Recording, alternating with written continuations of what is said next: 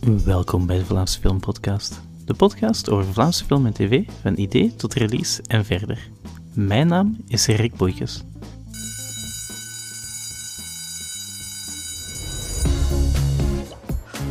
De aas, ligt dat nu aan mij of wandelen die nu echt in slow motion? Ja, hij ligt echt goed zo. Dank u. Ja, het laat je neus zo veel minder dik lijken. Niet kwijlen, die niet sexy. Fucking aas. Sorry. Ik had je echt niet gezien. Sommige mensen zijn zo opvallend. Deze week kwam Bittersweet 16 in de zalen en ik deed er een interview over met Anne Verrijen, Lie Millard en Jan Verrijen, die de film samen schreven en regisseerden. We spraken onder andere over de zoektocht naar de jonge cast, maar ook over de financiering en waarom ze de film zelf produceerden. Op de dag dat de film in de zalen kwam, besliste het overlegcomité dat ze cinema's moeten sluiten. We hebben het interview gedaan voor deze beslissing werd genomen, dus daar wordt die niet besproken. Na de beslissing had ik nog een kort gesprek met Jan Verrijen over de gevolgen daarvan. Dat kan je op het einde vinden. Ik spreek met Anne Verrijen, Jan Verrijen en Lie Millard, eh, regisseurs van Bittersweet 16. Welkom allemaal. Dank u. Hallo. Eh, om te beginnen, eh, wat is de oorsprong van de film? Ik denk dat jullie dat verhaal wel een paar keer hebben verteld, maar eh, kunnen jullie het nog eens doen voor mij? Het is een goed verhaal, dus we gaan dat met plezier nog eens doen. Anna? Ehm, ja, het was, het was lockdown en het zijn eigenlijk twee dingen die samenvielen. Ik had net een heel moeilijk jaar achter de rug met zo een, een meisje in mijn klas en een, een uitsluiting en zo dat meidenvenijn manipulerende ja, meisjes en gewoon geen tof jaar. Ehm, en mijn mama vond dat ook heel interessant, die psychologie daarachter, zo dat manipulerende en die onzekerheden van de middelbare school. En ondertussen, tijdens de lockdown, hadden we heel veel tijd om films en series te kijken. Ook dan zo tienerfilms. En dan zei ik van, oh ja, dat is, dat is leuk, maar je merkt dat dat gemaakt is en geschreven is door volwassenen. En dat dat niet helemaal juist zit. En dan heeft papa me eigenlijk een beetje uitgedaagd van, eh, ah ja, doe het dan zelf. dus dan, heb, dan, ben ik, dan ben ik beginnen schrijven, omdat ja, ik heb altijd al graag geschreven. Zo in het lager heb ik, was ik ook altijd degene die zo die dialoogjes of de toneelstukjes schreef. En dan ben ik beginnen schrijven met zo dat verhaal van die manipulatietechnieken en dat meidenvenijn in mijn hoofd. En toen Anna dan, ja, wij hadden haar daar natuurlijk in aangemoedigd, maar zij nam dat heel serieus. Zij, zij zat dan twee, drie uur op haar kamer om echt te schrijven en dat, dat groeide ook. En toen werden Lien en ik wel eerst een beetje ongerust van, ja, wat als dat heel slecht is? Ja, hoe moet je dat dan weer gaan omzwachteld gaan vertellen. Ehm, maar dat was niet slecht. Dat was eigenlijk heel goed. En toen begon het idee wel te rijpen van, daar zit misschien wel zelfs een film in. En dan zijn we samen daar beginnen schrijven. Dus ik zorgde dan voor structuur en humor. En Lien zorgde voor de psychologische onderbouw. En Anna was de strenge bewaakster van het geheel. En op er zat ook wel wat humor in. Ja, ja, ja, niet je zegt altijd van, ik zou voor de humor, maar... Nee, maar maar dus, en nu is het, en uiteindelijk is het dan zo geëvolueerd. En nu zeker, nu we de film zien, moeten we soms echt heel goed nadenken. En dan vaak ook nog het antwoord schuldig blijven op de vraag van wie heeft dat nu? Is dat nu een dialoog of een scène of een vondst van, van Lien, eh, Anna of Jan? Dus het is echt wel...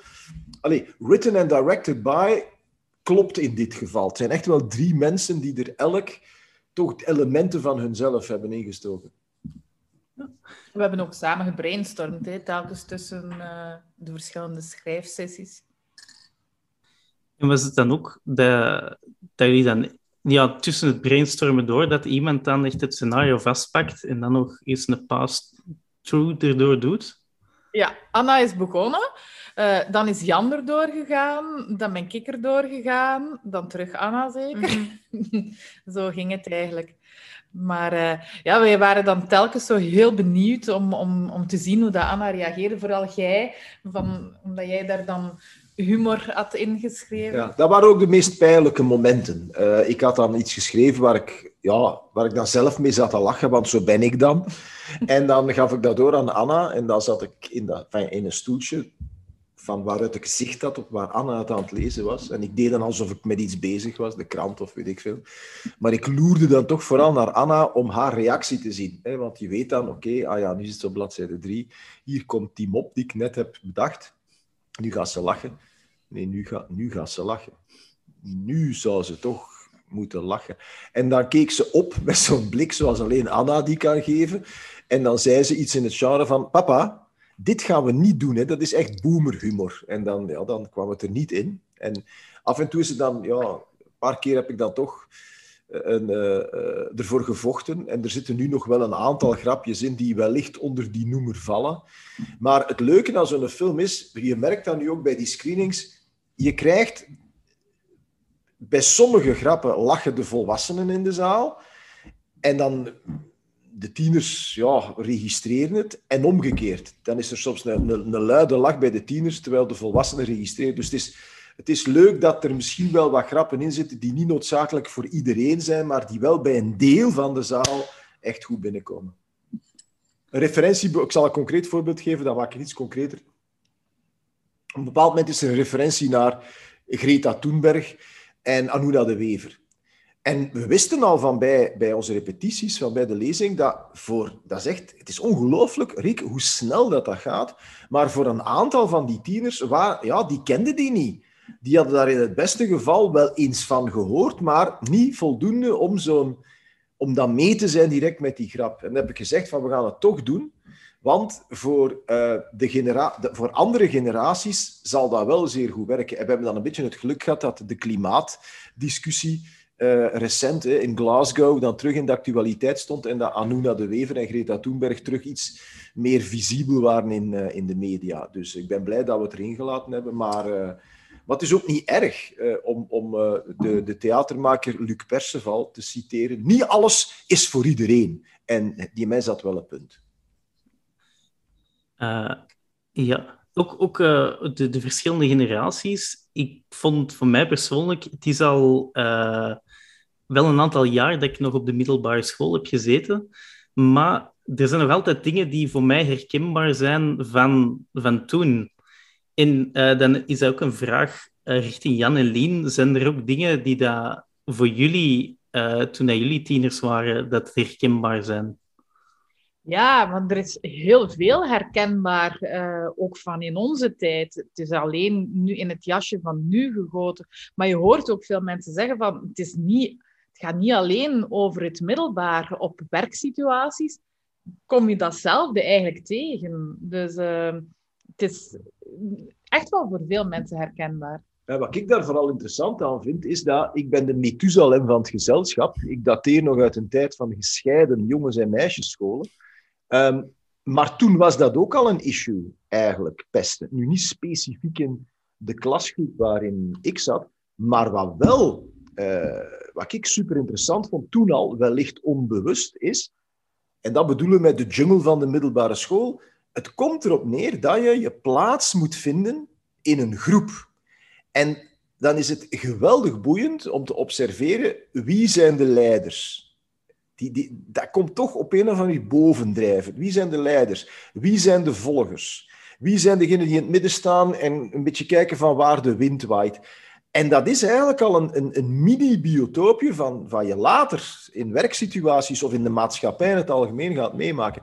Dus ja, in die zin is het absoluut herkenbaar. En wij hebben natuurlijk allemaal die, die middelbare school moeten doorworstelen. De ene met wat meer littekens dan, dan de ander. Dus die situatie is herkenbaar. En het strafste van al, er zijn ondertussen een miljoen campagnes geweest tegen pesten, maar dat is blijkbaar onuitroeibaar. Dat is van alle tijden. En of dat nu een, een, een chique...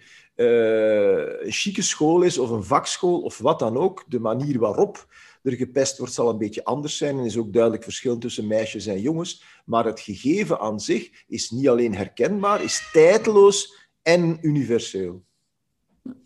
En dan het uh, omgekeerde. Uh, Jan en Lien, zijn er dingen vanuit jullie tijd op de middelbare school dat jullie dachten van, ah ja, dit is wel eens leuk om erin te steken, maar dat eigenlijk gewoon niet echt meer gebeurt? Um, wat anders is, maar dat is niet echt een rechtstreeks antwoord op je vraag. Wat ik wel natuurlijk zeer opvallend vind, En wat, wat het allemaal ingewikkelder en, en moeilijker en harder maakt, is natuurlijk, pesten is nu een... Of, of uw school is eigenlijk een 24-7 gegeven door die sociale media. Toen ik de schoolpoort achter mij dichtsloeg om vier uur, bij wijze van spreken, want ik zat op internaat. Maar goed, dan, ja, dat was het ook afgelopen. Ehm, terwijl nu, dat heb ik ook gemerkt dan in dat moeilijke jaar van Anna, ja, dat gaat maar door. Het is, het je bent bij wijze van spreken nergens veilig. Dat is absoluut veranderd. Ehm, maar zijn er dingen die ik heb meegemaakt waarvan je zegt, dat kan je er nu niet meer insteken?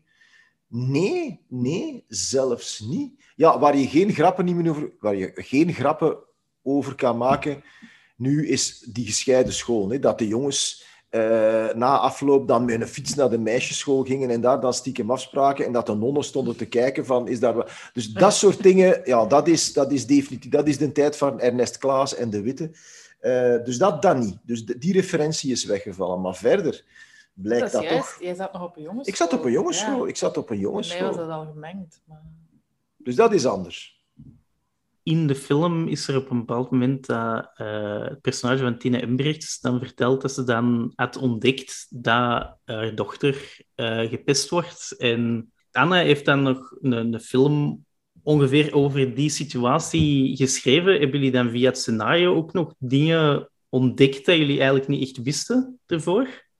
Gelukkig was Anna over, over dat pesten vrij open, maar het was wel heel boeiend om dat samen te schrijven, omdat we ook niet alleen Anna leerden kennen, maar, maar echt zo hoe het eraan toe gaat uh, bij de jeugd. Want ja, elke situatie werd research voor Anna en, en anders dingen dat zij nooit zou verteld hebben, van oh ja, die heeft dat gezegd of die heeft dat gezegd.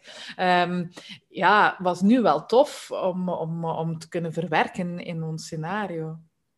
Dat was wel leuk. En ja, er was ook wel, soms als we zo die eerste versie van het scenario lazen, hadden we ook wel soms zoiets van, oké, dat weet ze dus ook al. Of dat... en dat was wel, uh, ja, het is, het is geen brave film. Hè. Uh, er zit, uh, ja... Maar het is, het, is, het is geen brave film, maar het originele scenario was nog statig, bij wijze van spreken.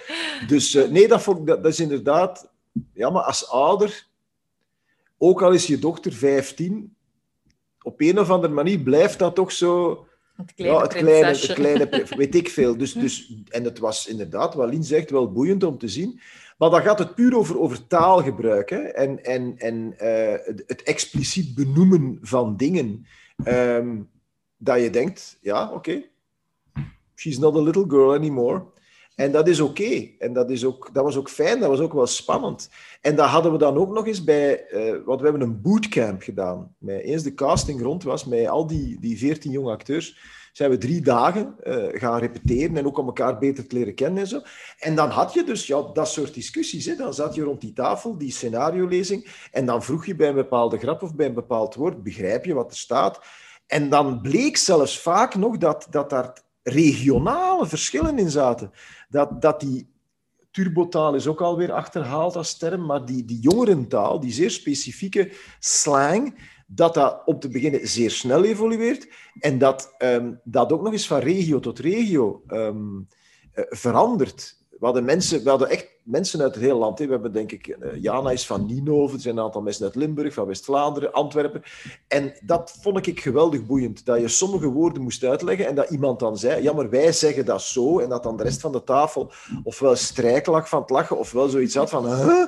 ik, ik begrijp niet wat je... Dat, is wel, dat vond ik persoonlijk wel interessant. Ik had zo'n naïeve idee, zoals ja, de dinosaurier die je dan zei, dat dat overal hetzelfde was. Dat, dat, dat die terminologie, die, die hippe woorden, dat dat alle 16-jarigen zijn. Maar dat is ook al niet zo. Ja, maar soms is het wel raar hoe dat een woord ontstaat, die dan alweer voorbij is. Maar op een bepaald moment zeiden de jongeren bijvoorbeeld tegen alles van... Hmm, kaas een kaas. Nee, dat was ook niet iedereen. Ja, maar, maar als we dan afspraken met, met Lola bijvoorbeeld, dan, dan, dan was dat ook bij haar op school. En, maar dat vind ik dan heel raar. Omdat, ja. Van, ja.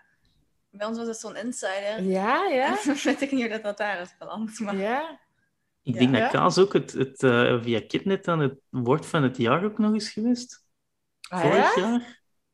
Maar Kijk, dit, dit, dus- jaar, dit jaar is Bro of zoiets, hè? Of Bo... bo Nee, bestie, Nee. maar... Bestie. Ja, Bro, be- bestie. bestie, maar ik, like, ik, niemand zegt dat. Nee, dat is alweer achterhaald. Dus dat, dat, gaat, dat gaat in ieder geval zeer snel. Dat gaat veel sneller dan vroeger. Zoals alles eigenlijk veel sneller gaat dan vroeger.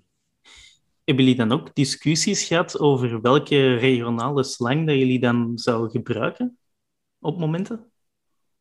We proberen eigenlijk weg te blijven van dat soort taal, omdat dat heel tijdelijk is en omdat we een tijdloze film zoveel mogelijk proberen maken. En we zijn heel bang dat ja, tegen dat uitkomt, dat dan al niet meer gebruikt wordt en dat voelt dan meteen zo heel verkeerd aan.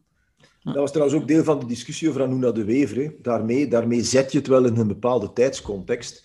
Ehm, dus dat was, dat was inderdaad een element van we willen vermijden dat eh, de 16-jarigen van 2023 de film al demodé vinden. En daar kwam er ook eens bij, ongeveer in dezelfde context, waar wij vooraf wel mee zaten, was het idee accenten spreken die... Ja, want iedereen spreekt natuurlijk met het accent van zijn regio. En we wilden geen film maken waarin iedereen heel keurig jij en jouwt, zoals je dat op Catnet wel eens hoort, en ook met een overdreven enthousiasme dat naar het Noord-Nederlands neigt. Dat wilden we niet doen. We wilden dat die, dat, die, dat die tieners geloofwaardig spraken. En dat probleem heeft eigenlijk zichzelf opgelost. Als je nu naar de film kijkt, Niemand om te beginnen is daarover begonnen. Of één vraag is daarover gesteld op die, op die zeven of acht avant-premières. En ehm, als je er zelf nu naar luistert, heb je niet de neiging om te denken van waar speelt zich dat af? Ja, het speelt zich af in Antwerpen, omdat je een aantal herkenbare Antwerpse shots hebt. Maar het is niet zo dat er consequent Antwerps wordt gesproken, maar dat er toch een soort tussentaal, een soort ja, wat dan vroeger verkavelingsvlaams heette, wordt gebruikt die heel natuurlijk is. En dat heeft dan weer te maken met het feit dat die dialogen zijn geschreven door een tiener en ook zijn, zijn ja, in de repetities bijgeschaafd door andere tieners. Dus er is niemand die iets zegt dat je niet gelooft omdat het ook klopt met wat ze zouden zeggen. En dan valt heel die discussie over accenten blijkbaar ook weg.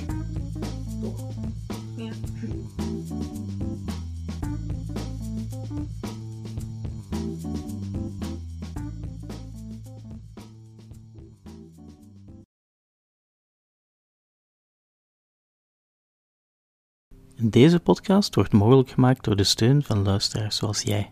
Je kan een bijdrage doen voor de prijs van een kop koffie via buymeacoffee.com slash Vlaamse Filmpot, of je kan de Eh, podcast aanraden aan vrienden of ik delen al, via social eh, media. de We zijn Vlaamse Filmpodcast en, op eh, Facebook en Instagram en at. Vlaamse Filmpot op Twitter. Eh, en nu terug naar het iets dat interview. daarmee te maken heeft. eh, toen ik op school zat, hadden wij niet echt de, de lockers of de cafetaria. Die zitten ook in de film. Is dat iets dat momenteel dan op de middelbare school al is binnengevallen? Of is dat ook gewoon een Amerikaanse invloed op het scenario?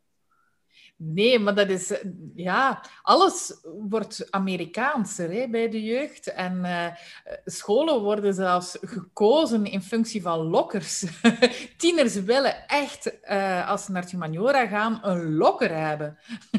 En ik denk dat de meeste scholen ondertussen wel lockers hebben en eh, een cafetaria hebben. In onze film is, ziet het er wel natuurlijk veel beter uit dan de gemiddelde Vlaamse school. Ehm, de lockers zijn iets groter en de cafetaria is iets moderner en ook groter. Ehm, maar het is er wel op de meeste scholen. Maar de referentie klopt. We wilden absoluut eh, we wilden een Vlaamse film maken, maar wel met de esthetiek, de zeer herkenbare esthetiek van de Amerikaanse teenage high school movie. Hè, dus zo, en dan kan je teruggaan naar John Hughes, maar er zijn ook recentere voorbeelden als Easy A of Edge of 17 eh, of Lady Bird zelfs of eh, ja, Mean Girls, wat toch echt wel het template van, van de film is.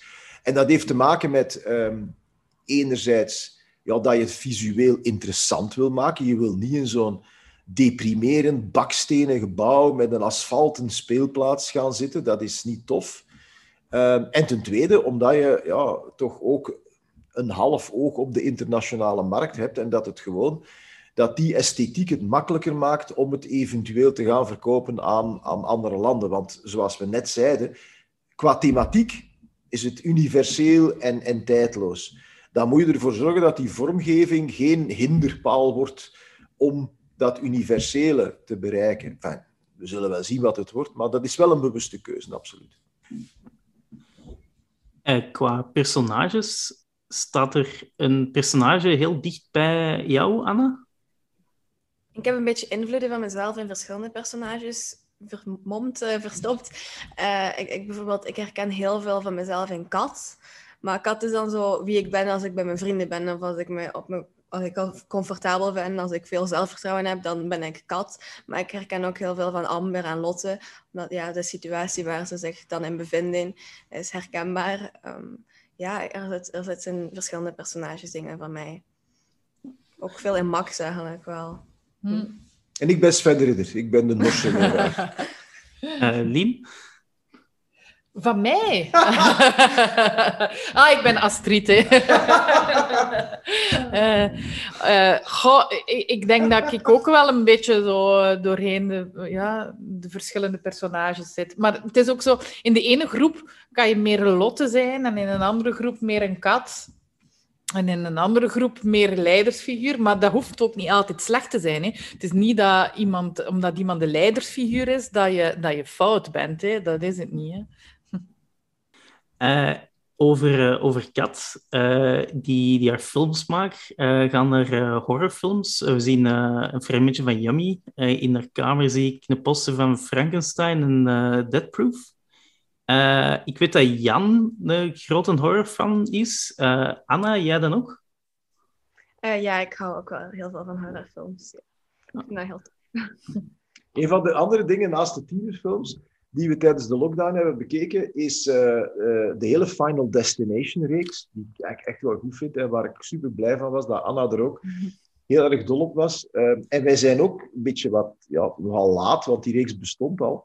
wij hebben ook, denk ik, echt alle seizoenen van The Walking Dead bekeken. En Game of Thrones. En Game of Allemaal Thrones. Maar Game of Thrones is niet echt horror, natuurlijk. Nee, is, maar, maar, ja. maar, nee, Anna is inderdaad ehm, wel te porren voor het het creatievere horrorwerk. Uh, die Final Destinations, wat hebben we nog gezien samen, dat we heel goed vonden. Ah, die... Uh, allee, ik ben er net in de auto nog over. Uh, Freaky van dit jaar, ja. met Vince Vaughn. Vonden wij superleuk. Zo de combinatie tussen horrorfilm en body switch uh, movie. Ehm, ja, dus nee, dat, vind, dat zien wij eigenlijk graag samen ook, ja. Horror. ja. Dus het is geen toeval dat Kat van horror houdt. En het is al helemaal geen toeval dat ze naar Yummy kijkt. Wat ik uh, zelf een zeer... En wij allebei. allebei een heel toffe film vonden en heel erg onderschat. Uh, over uh, de cast dan. hoe, hoe, ging de casting van alle personages? Had je al iemand in je hoofd terwijl je aan het schrijven was? Nee, we hebben echt uh, een grote casting gedaan. Um, we hadden eigenlijk alleen een oproep gedaan via social media. En uh, daar waren meer dan 1500 reacties opgekomen. Mensen hadden allemaal een filmpje opgestuurd met een opdracht. Um, en ja, die hebben we allemaal bekeken. En dan zijn er, uh, ja, hebben we week eigenlijk audities gedaan. Met ook zo verschillende rondes. En... Um, ja, daaruit hebben we eigenlijk uh, onze cast geselecteerd. En het was wel zeer emotioneel, vond ik, die castings. Omdat we hadden echt wel keuze. Er waren heel veel jongeren met talent. En het is altijd lastig hè, om dan mensen te moeten naar huis sturen. We zijn super blij met iedereen die we gekozen hebben. Uh, we zouden ze direct opnieuw casten. Het was ook een fantastische bende om mee te werken. Uh, ja, zeer getalenteerd. En, en tegelijkertijd uh, moet je soms ook nog denken aan mensen dat je toch naar huis gestuurd hebt. Terwijl, maar ja, je zoekt ook bepaalde types. Hè, en niet iedereen past dan binnen dat type. Ja. Maar uh, dat was leuk en emotioneel tegelijk. Ja. Ook voor ons, niet alleen voor degenen die meededen. Maar op zich, als ik daar nu aan terugdenk, is het eigenlijk toch wel heel straf dat we in één ronde de mensen gevonden hebben die we wilden. Allee, dat is echt niet evident. Er zitten veertien, toch wel... Het ensemble is veertien mensen. Er zijn er nog twee of drie die ook wel moeten spelen, hè, die de rest van de klasgroep dan uh, vervolledigen. En die zijn dus allemaal gekomen uit die... Er zijn natuurlijk wel 1500 filmpjes ingestuurd, dus er is wel zeer massaal op gereageerd, maar dan nog. Daar zijn er dan 120 uitgehaald, vooral door Anna en Lien. Uh, en met Tatjana Beloy, die, die van, van Superstar mee de casting heeft gedaan. Daar zijn er dan 120 van haar de live audities. Dat, nu klinken wij precies als Idol of K2 zoek K3. Um, maar zo de live audities. En daar is dan echt ja, geprobeerd, probeert dat eens. Doe jij die rol eens? Oké, we gaan die mensen eens combineren. En daar is dan eigenlijk al bij al vrij snel een groep komen bovendrijven waarvan we wisten die willen we in de film. Alleen wisten we dan nog niet wie precies welk personage ging doen, maar je voelde het talent, je voelde de goesting, je voelde ook echt dat die er dan uit, nog bovenuit staken. En dan hier en daar is een rol aangepast aan de acteur. Het personage van Max bijvoorbeeld uh, is in het scenario fysiek helemaal anders dan uh, Nidal van Rijn. Maar Nidal van Rijn kwam binnen eigenlijk voor Zion, uh, sorry, voor, um, voor, voor Timen, die dan door Zion is gespeeld. En ja, maar die was dan, hoe moet ik het zeggen, zo geestig en zo energiek en zo kamervullend, dat we gedacht hebben, eigenlijk is dat een max. Dus, dus je krijgt dan toch een soort kruisbestuiving van allerlei elementen. Uh, maar het is, ja, ik, ik sta er nog van te kijken, elke keer als ik de film nu zie, of, of stukken van de film zie, dat het um, zo straf is dat niemand van die, van die tieners uit de toon valt. Er is niemand waarvan je denkt, ga, daar hadden ze precies niet veel keuze voor die rol. Het is echt een ensemble. En de energie, vooral in het spelplezier, ehm, het, het onbevangene waarmee ze dat doen, is zeer uh, inspirerend. En je voelt dat ook echt wel, denk ik, aan de film. Dat die mensen niet alleen staan te spelen, maar zich ook geweldig hebben geamuseerd met dat spelen. En dat werkt heel aanstekelijk. Dus ja, dat is, ik, ik weet niet of we dat ooit nog zullen mogen meemaken, maar dat was wel, denk ik, het meest bijzondere, uh, voor, voor mij althans, uh, als ervaring uh, aan deze film. Ja, voor mij ook. En je voelt ook, dat is ook een goede vriendengroep geworden. Ja, hè? ja. dat klikt echt goed. Voor de oudere rollen, ik denk bijvoorbeeld uh, Tine Embrechts. Hoe kwamen jullie bij haar terecht? Was ook via een auditie? Nee, die hebben we gewoon gecast. We, we, we zijn eigenlijk begonnen bij de jongeren en dan hebben we eigenlijk gekeken van wie zou daar mama kunnen van zijn en, ja, en welke ja, mensen passen dan zo ook weer samen bij de ouderen. Dus uh, zo hebben we eigenlijk gekozen. Dat was makkelijker, hè? omdat bij die tieners begin je dus echt bij wijze van spreken bij nul. Hè? Het is niet dat er een castingbestand bestaat of zo. Uh, terwijl bij die, die, die, die oudere acteurs, ja, daar heb je al eens mee gewerkt of daar heb je al heel veel dingen van gezien. Dus daar hadden we vrij snel een lijst van, die zouden we graag willen hebben. En dan bleek Joke de Vink bijvoorbeeld ja, echt geloofwaardig te zijn als de moeder van Nina Lotte Rozen. Dus dat is dan mooi meegenomen. Geloof ik ook Tine Direct uh, en, en, Steven als uh, ouders van, uh, Lotte. van Lotte. Dus, dus ja, plus dat, dat Tine en Steve dan weer een mooie dynamiek samen hebben. Dat Tine en Joke ook ja, ik moet zeggen, dat vonden we nu niet moeilijk. De, ja, Sven de Ridder wil ik er altijd bij, dus dat was ook direct van, dat is de, de Sven. Ja, dus we wilden het ook vooral naar de, voor onszelf en voor de rest van de cast, voor die jonge cast, wilden ook toffe mensen op de set. We wilden geen acteurs die die jonge mensen zouden intimideren of daar zo zouden staan met een air van oh, I am a thespian. I did Shakespeare in the theater. Dus nee, we wilden echt toffe mensen. Die, die, die ze ook tussen die jonge mensen, die, die, die ook, hoe zal ik het zeggen? Die, die vatbaar waren voor de energie die ze kregen van die jonge gasten. Al die, al die, die man, die zijn ons allemaal s'avonds komen zeggen: Wat een toffe groep is mm. dat. dat en die, die, die durven zich daardoor ook terug ja, op een of andere manier smijten. Uh, nee, dat was eigenlijk ook heel tof. Dat was ook heel tof. En ja, nee, dat, dat helpt enorm voor de sfeer van die film. En het waren ook al mensen die jij kende en die jij leuk vond, hè, Anna? Ja, inderdaad. Ik vond die ook heel tof om te leren kennen en zo.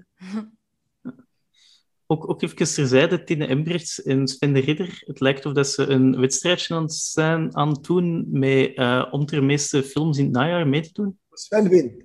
Sven, Sven wint, want Sven zit in Nachtwacht, in uh, Bittersweet 16, in Red Sandra En in nog iets wat ik nu vergeten ben. Nee, mijn tienen zit in de Gebroeders Schim, in eh, de Sinterklaasfilm en in onze film. Dus het is die vierde film van Sven waar ik nu niet kan opnoemen. Die zit ook in de Gebroeders Schim. Die zit inderdaad ook in de Ah, Gebroeders ja. Schim. En hij zit ook, maar die film is officieel Ah, nog duister. niet. Duister. Ah ja, dus, ja ik dacht dat Tine toch nog bekend, eh, bekend gelijk zat. Maar misschien Ja. Dat is, het is inderdaad waar, het is zeer opvallend. En Tine zegt ook van ja, ik heb jaren eigenlijk geen films gedaan, buiten dan hè, die Sinterklaas-dingen. En nu, ja, dat is, ja dat is, daar is ook geen enkele logische of rationele verklaring voor de eb en vloed van het bestaan van de acteur. Ze doet het ook heel goed. Dus dat is... Ja, maar dat is ook echt... En, ja, en, en het schone aan deze rol is dat Tine... Want we kennen Tine natuurlijk vooral als, als comedyactrice, dat ze hier ook echt een...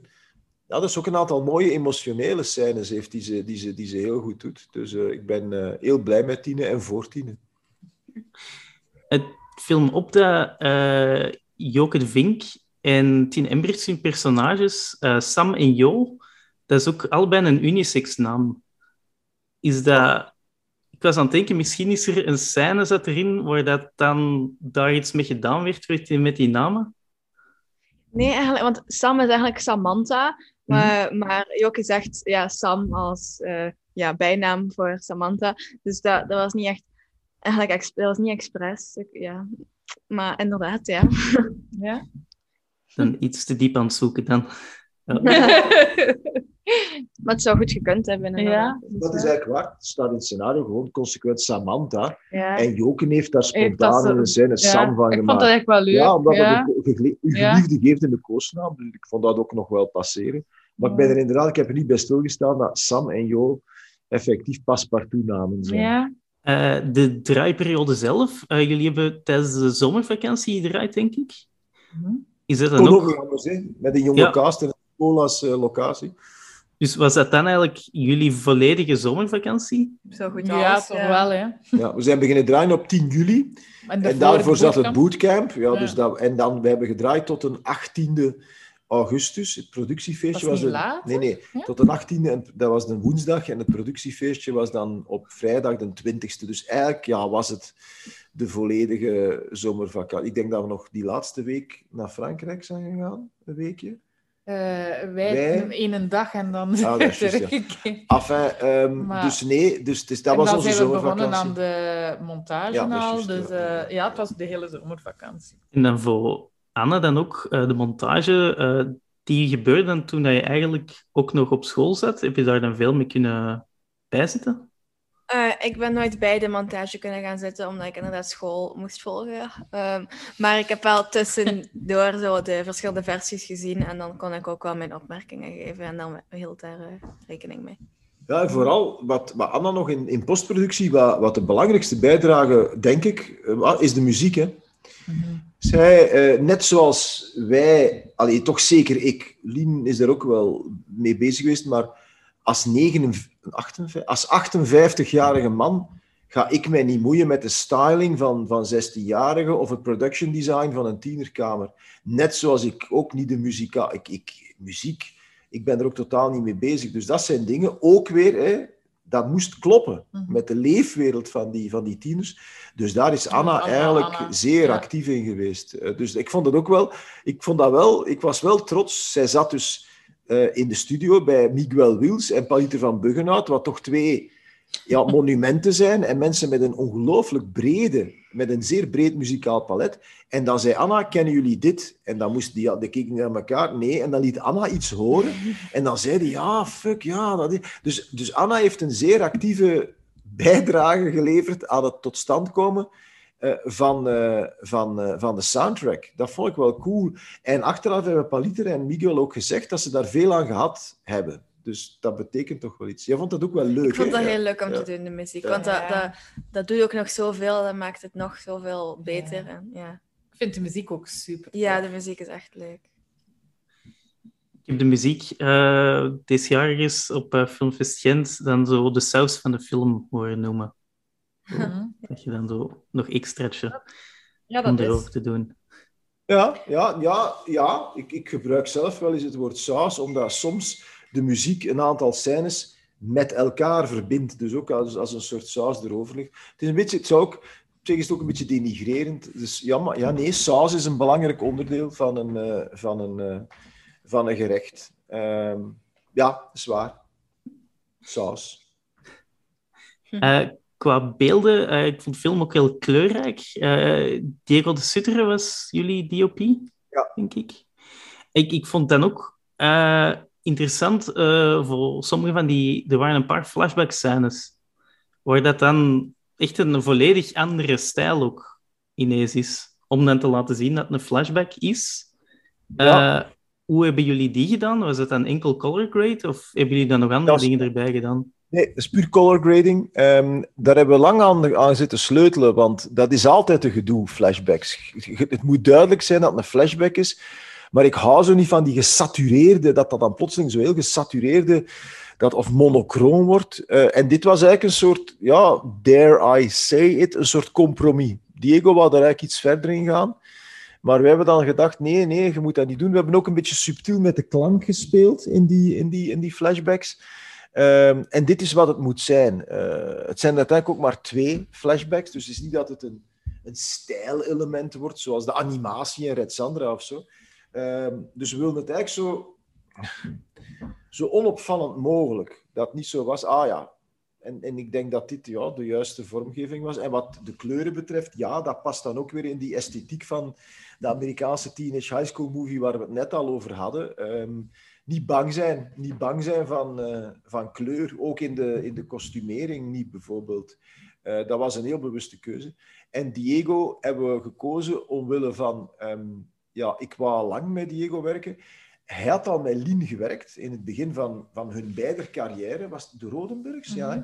op een reeks die de Rodenburgs heette. Dus dat vond ik wel een voordeel, dat zij elkaar ook al kenden. Dat niet een DP was met wie ik al een werkrelatie had, maar Lien nog niet. Hier was het eigenlijk een beetje omgekeerd. Ehm, en dan kwam het er... En ik was heel erg onder... Ik vind dat Diego is, is zoals, zoals elke goede DP, een chameleon. Die past zich aan aan het genre dat, eh, dat, eh, dat gedraaid wordt. Maar ik, heb hem vooral, ik was vooral onder de indruk van Spitsbroers. Ik vond Spitsbroers er geweldig uitzien. En ook veel duurder dan het budget eh, eigenlijk zou toestaan. En dat was ook bij ons wel een issue. Het moest er goed uitzien voor relatief weinig middelen. Eh, dus ja, er, ik denk dat is iets waar wij nu wel altijd zeer goed. Ik, wij casten onze DP ook echt wel in, in functie van wat we willen vertellen. En ik denk dat Diego de Zutter de juiste casting was voor deze film. Diego is nog begonnen bij eh, mijn programma voor Vitalia, Vlaanderen Culinair. ja, Die ja. was daar cameraman, Ja, dus. Ik ken hem al lang. Ja. Ik wil er ook een, een heel specifiek shot uithalen. Op een bepaald moment gaat Lotte, vertrekt hij met de fiets. En eh, is hij samen met eh, Fleur aan het fietsen. En we zitten eigenlijk op, op Lotte. Hoe hebben jullie dat gedraaid? Ah, Ehm, we hebben het voorste wiel van haar fiets dus is ervan gehaald. En die fiets is dan vastgemaakt op een golfkarretje. En de cameracrew zat op dat golfkarretje eh, te filmen. En doordat Fleur er dan bij komt gefietst, aanvaard je dat ze aan het fietsen zijn. Zitten niet te denken, jij dus wel, maar, maar, maar dus je krijgt het toch een soort, een soort eh, naturel. Maar anders was dat bijna niet te doen, omdat we dus ook echt in, in, heel, in een heel lang shot wilden... Nou, fijn, we hebben het wel gemonteerd uiteraard, we hebben naar closes gegaan, maar we wilden die, die, die, die actie... Omdat dat technisch is, dat last. Dit, dat, eigenlijk was dat technisch voor de acteurs een van de moeilijkste shots. Zeker voor Lotte. En als je dan ook nog moet gaan vragen van dat zij met haar fiets het tempo moet bepalen, dan dat is bijna onmogelijk. Dus, dus voor, voor haar spelcomfort is deze oplossing gevonden. ehm, en die eigenlijk, ja, eigenlijk goed werkte. Die eigenlijk wel goed werkte.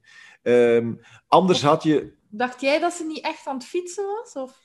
Ja, ik was niet zeker. Ik, ik had niet het gevoel dat ze niet echt aan het fietsen was, maar ik merkte Was wel dat... fietsen, maar, ja. Ik merkte wel dat Fleur eh, wat af en aan was aan het gaan, wat dat ook normaal was voor de scène, maar dat, dat Lotte dan wel heel statisch op dezelfde plek bleef. Ja, ja, ja. Ja, nee, dat is, dat is voilà, de, de, de golf, het geheim in dit geval is een golfkarretje. Zo, het moet niet altijd veel kosten. Uh, jullie hebben de film ook zelf geproduceerd met het eigen productiehuis uh, Max Rokatansky. Was dat de eerste keer dat jullie de een film hebben geproduceerd? Ja, ja ik, uh, het is niet dat, ik nu, dat dat een brandende ambitie was van mij, want ik heb mij altijd weten te omringen met uitstekende producenten. Dirk Impens in het begin van mijn carrière met vijf films en dan nu Peter Boekhaart ondertussen al zeven films. Um, dus dat was niet een ambitie. Uh, dat is eigenlijk door omstandigheden zo gebeurd. Um, wij wilden de film absoluut uh, vorige zomer draaien omdat we, ja, om, alle, om allerlei goede redenen, denk ik. En Peter uh, Boekhaart, iWorks, had op dat moment letterlijk al drie films. Die hebben deze zomer drie films gedraaid. En dit kon er echt niet meer bij. En hij vroeg van, ja, kunnen je een jaar wachten?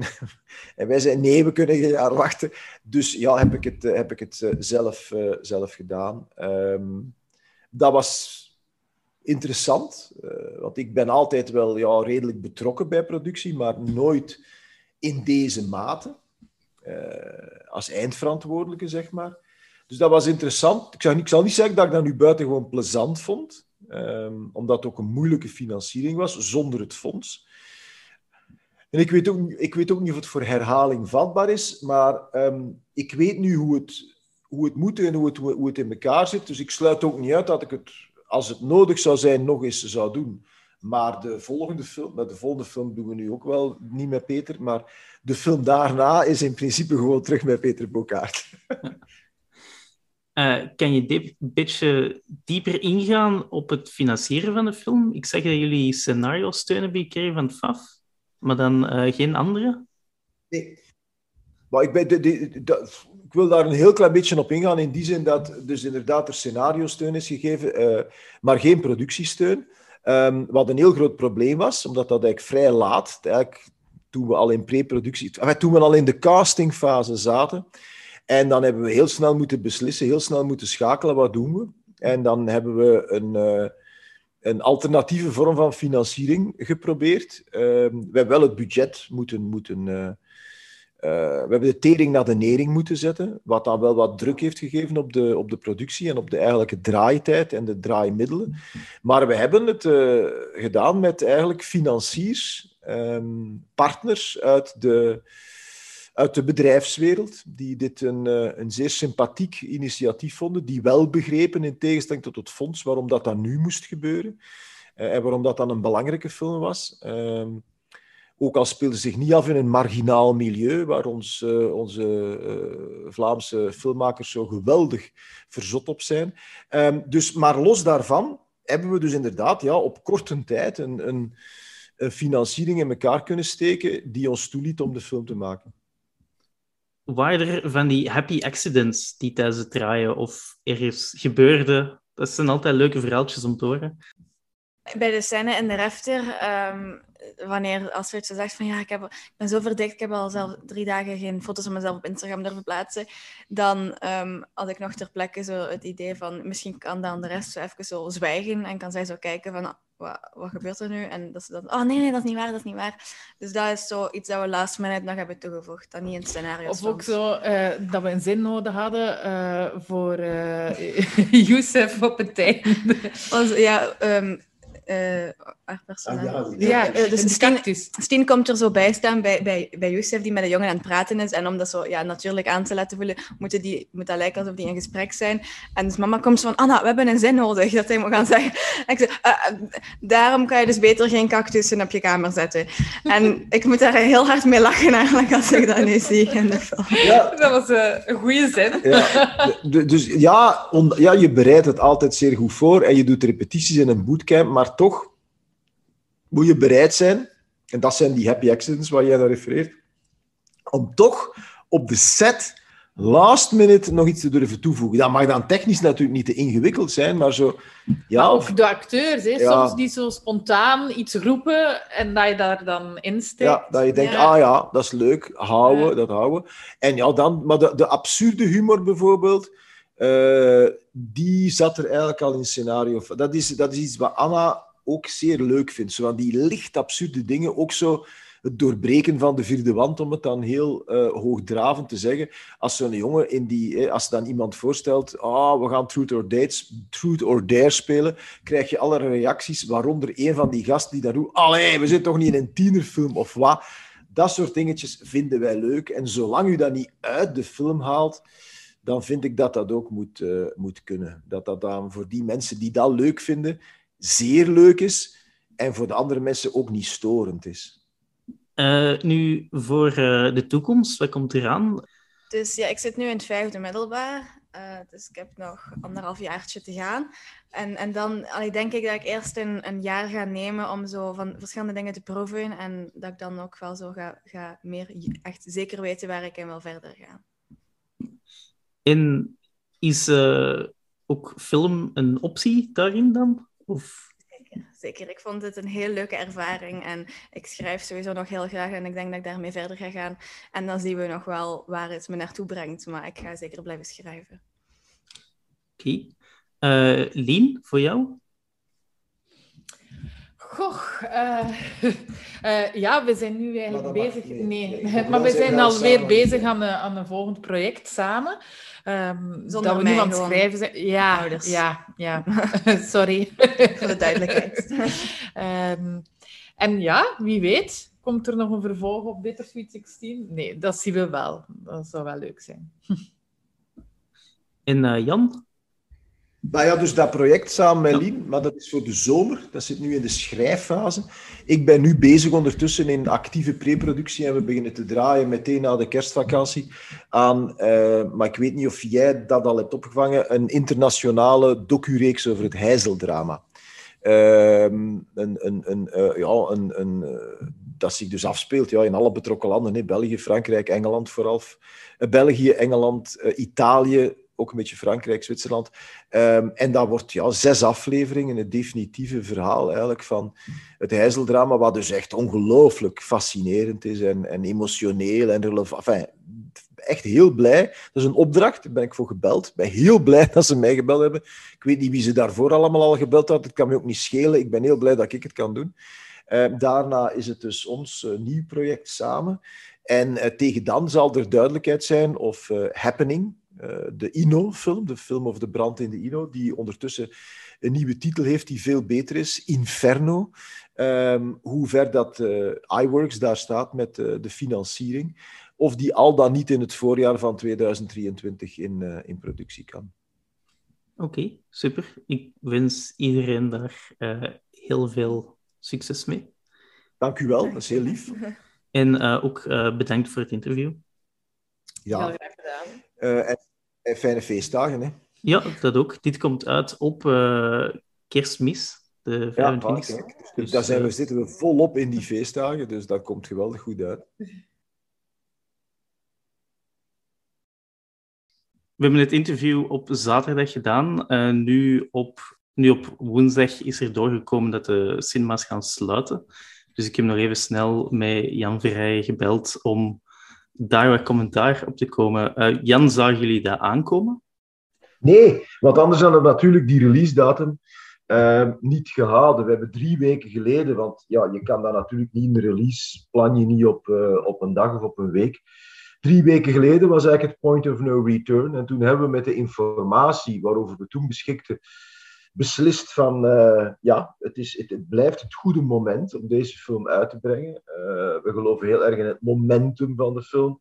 We gingen uit van um, in het slechtste geval een bevestiging van de geldende regels. Uh, 200 mensen per zaal en bla bla bla. Um, wat het sowieso al redelijk lastig maakt om de film rendabel uit te brengen. Maar er waren verzekeringen van de zalen dat we over voldoende capaciteit gingen beschikken, waar de zalen zich trouwens ook aan gehouden hebben. Uh, dus we, zijn, uh, we hebben gezegd, oké, let's move ahead. Het was een prachtige première. Het was echt een première zoals vroeger, met heel veel sfeer en optredens en, en blije gezichten. Uh, en dan de dag daarna was het eigenlijk afgelopen. Dus de première was eigenlijk, zonder dat we het wisten, ook een beetje de begrafenismaaltijd. Um, en dat hadden we dus inderdaad niet uh, zien, uh, zien aankomen, laat dat duidelijk zijn. Um, en voor de record, ik vind het ook een absoluut onbegrijpelijke keuze van het overlegcomité. En ik zeg dat met de nodige omzichtigheid, want ik kan mij voorstellen hoe moeilijk het is om in de huidige eh, situatie beslissingen te moeten nemen. Um, en ik ben een gezagsgetrouw iemand. Uh, ik uh, ben al twee jaar heel voorzichtig. Ik, uh, ik begrijp de context. Maar dit, is, dit krijg je niet uitgelegd. Je, kan, dat, dat is, je krijgt niet uitgelegd dat 200 mensen op een trouwfeest, en we weten allemaal, ik kan me voorstellen dat iemand als Frank van den Broeke nog nooit met een serviet in zijn handen op de stoel zichzelf zal gehesen hebben om de Connemara te, mee te, te, swingen. Maar we weten hoe het eraan toe gaat op een trouwfeest. Daar moeten we nu niet flauw over doen. Um, en dat zou veiliger zijn dan diezelfde 200 mensen in een theater of in een bioscoopzaal met een mondmasker op in stilte naar uh, een film of, of een, uh, een opvoeding kijken. Dat is dus echt, ja, dat, dat, dat krijg je niet uitgelegd. En die, die, die, die, dat, dat geharrewar van de premier over, ja, je moet natuurlijk een onderscheid maken tussen binnenactiviteiten en buitenactiviteiten. Buiten kan er meer, maar binnen uh, cafés. Uh, last time I checked was dat ook een binnengebeuren. Uh, in een grote brasserie zit op de middag meer volk dan die 200 man. Die... Dus het slaat werkelijk nergens op. En het is voor een sector die sowieso al twee jaar in een heel moeilijke positie zit. En die nu eindelijk zicht had op een sterke kerstperiode. Spider-Man 2 heeft dat allemaal terug aangezwengeld. Die kerstperiode is trouwens wat de bioscopen betreft, ik kan me niet uitspreken op de theaters, uh, goed voor 15% van de jaaromzet.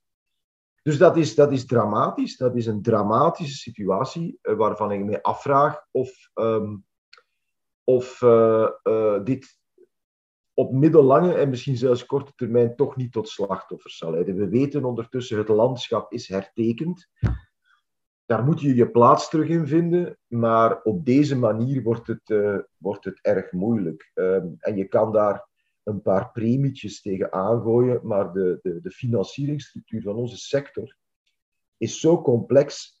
De, de, de films die nu in de bioscopen lopen, zijn gedoemd. Dus dat gaat van een omzetverlies voor Sony, uh, voor Spider, van ik schat 4 miljoen, minimaal.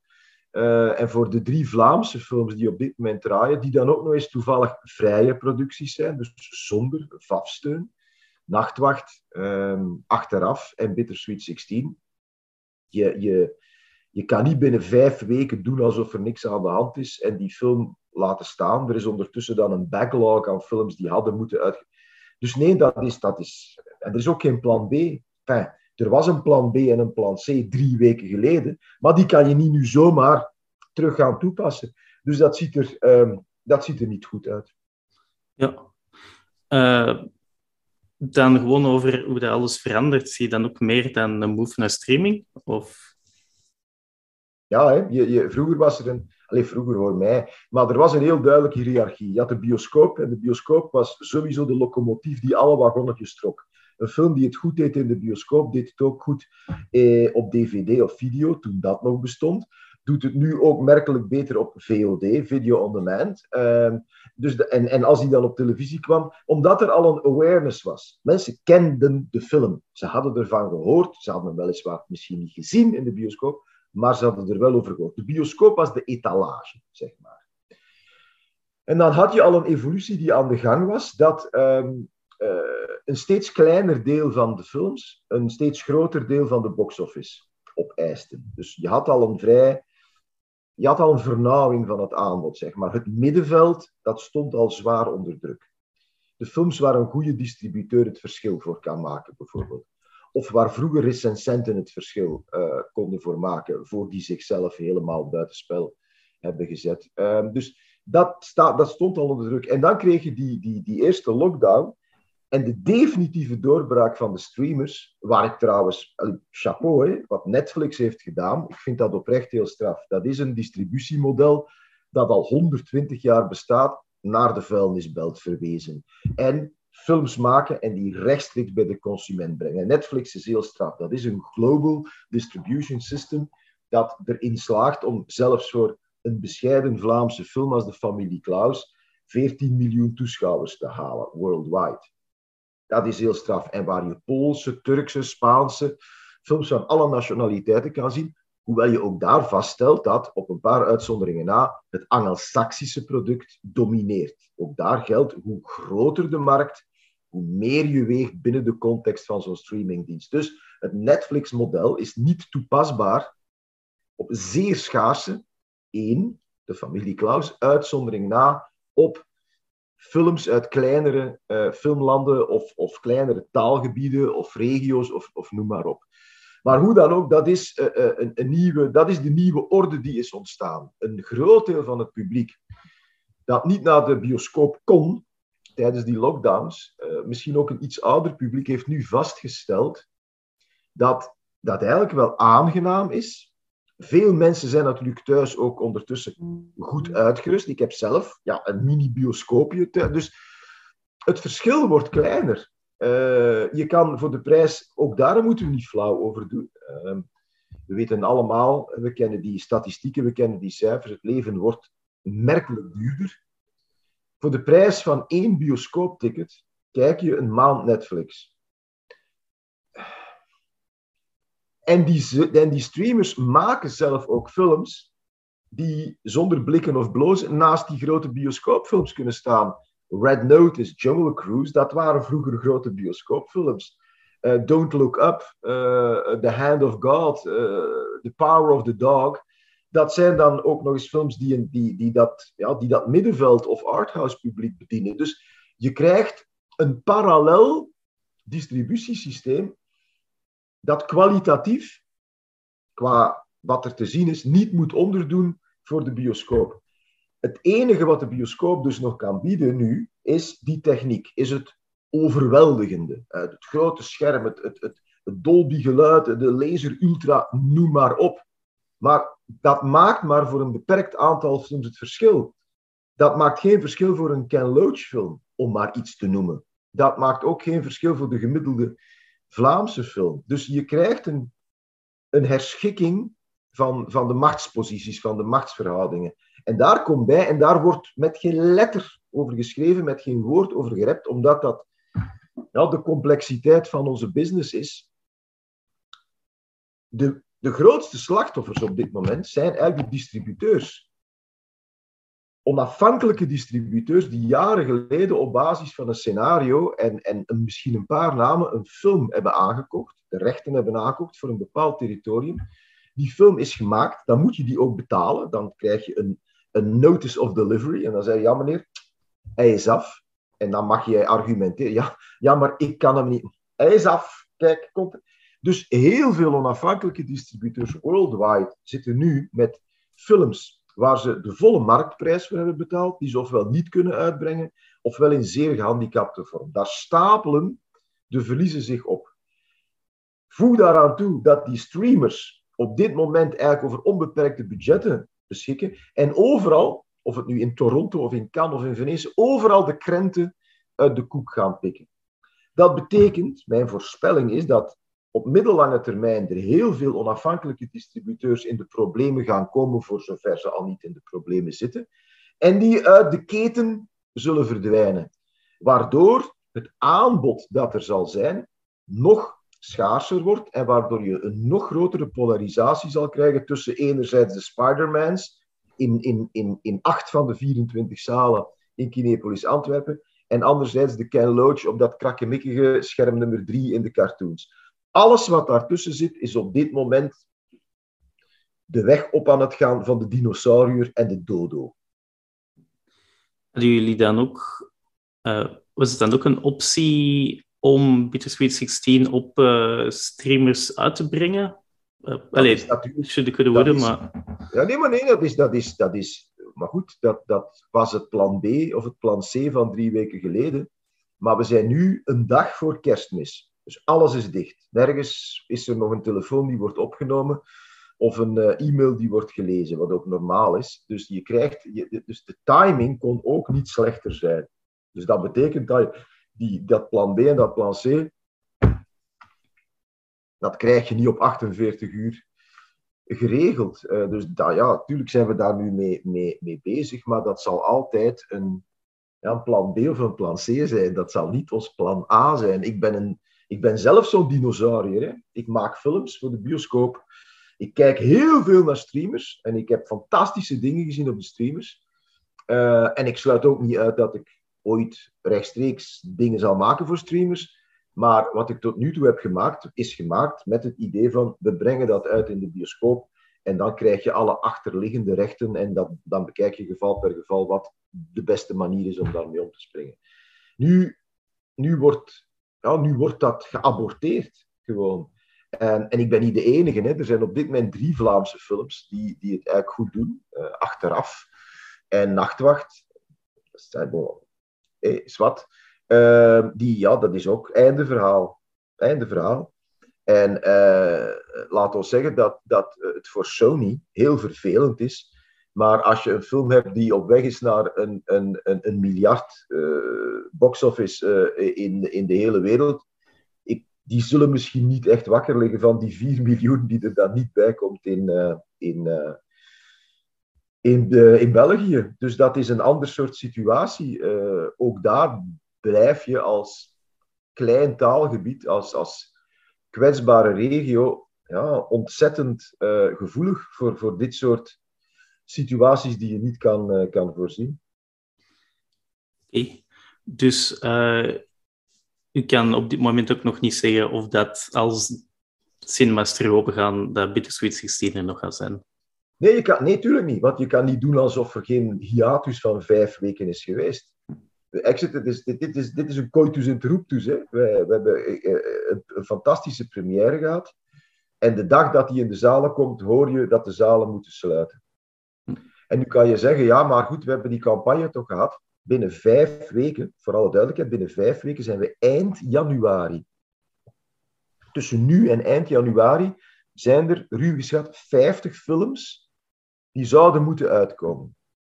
Dus er gaat een soort backlog ontstaan. Niet al die films zullen nog uitkomen. Ook daar zit je met distributeurs die nu al moeten gaan nadenken: wat gaan we doen? Een aantal van die films zullen misschien uitgesteld worden. Maar ja, op die, vanaf eind januari staan er weer elke week tien films klaar. Dus je komt dan in een markt die onder enorme druk zal staan. Het verleden heeft geleerd dat het ook, als die zalen dan terug open gaan, er een paar weken nodig zijn om dat weer op gang te trekken. Dus dat heeft eigenlijk geen zin. Dat heeft geen zin. Dus dan moet je gaan kijken, zoals we met Red Sandra hebben gedaan en zoals heel veel andere mensen met hun films hebben gedaan. Uh, Kingsman bijvoorbeeld. Kingsman, die volgende week had moeten uitkomen, dat was de vijfde release datum in onze kalender. Ja, dat zal er dus een zesde worden, tenzij ook daar de studio zegt, ja, jongens, laat maar. We verkopen hem aan een streamer. Dus dan moet je nu gaan kijken. Welke, het is ook een film die je in een vakantieperiode moet uitbrengen. Je mikt expliciet toch wel op een jong publiek. Dus dan zit je al te kijken richting paasvakantie of zomervakantie. Wat dan weer betekent dat je heel die campagne eigenlijk opnieuw moet opstarten. En dat er rond die film toch iets zal hangen van, ja maar wacht eens, hebben we dat, dat was... Ik zeg niet dat het damaged goods zijn, het is geen fruit, hè. het ligt niet te rotten in de rekken. Maar ja, dat is wat ik bedoelde met dat, met dat momentum. Dus dat ben je kwijt. En je moet dat dan proberen opnieuw terug op te bouwen. En voor een James Bond kan je dat doen. Of voor zo'n Marvel superhero eh, film kan je dat ook doen. Maar ik weet niet of dat in dit geval mogelijk is. Dus daar zijn we ons over aan het beraden. Zoeken we een andere datum? Uh, of uh, ja, gaan we dan toch kijken wat de, wat de mogelijkheden zijn bij de streamers? En wie het, enfin ja, dus ja dat, dat, dat is ongoing. Oké, ja, dan ga ik je ook laten daarmee, want ik neem aan dat, uh, ja, dat je daar zeer druk mee bezig bent. Maar toch bedankt ja, om nog even erover te praten. Nee, dus ik bedoel, goed informatieoverdracht, niet waar. En het is misschien ook uh, zinvol dat dat, die, die, dat, dat pro probleem, het is natuurlijk in de context van wat we meemaken, zijn er heel veel problemen en ben ik mij er ook absoluut van bewust dat waar ik het nu over heb, dat dat op die lijst van prioriteiten wellicht de top 10 niet haalt. Maar dat neemt niet weg dat voor de mensen in die sector, hoe klein die ook is, maar niet onbelangrijk, dat dat wel degelijk uh, een probleem is. Enfin, maar uh, aan jou en aan iedereen die dit zou bekijken of beluisteren, uh, fijne feestdagen. Um, uh, laten we troost en vertier zoeken eh, in eigen huis en eh, bij de, de Oké, ja. Super bedankt voor de follow-up. En nog, ja, veel succes. Dag. Dankjewel. De vorige aflevering van de podcast kan u beluisteren via Apple Podcast, Spotify of de website vlaamsefilmpodcast.wordpress.com. Daar kan je ook een interview vinden met Lief Willard en Jan Verrijen over hun film Red Sandra. Deze podcast wordt gemaakt door Rick Boykes, dat ben ik. Bedankt voor het luisteren en tot de volgende aflevering.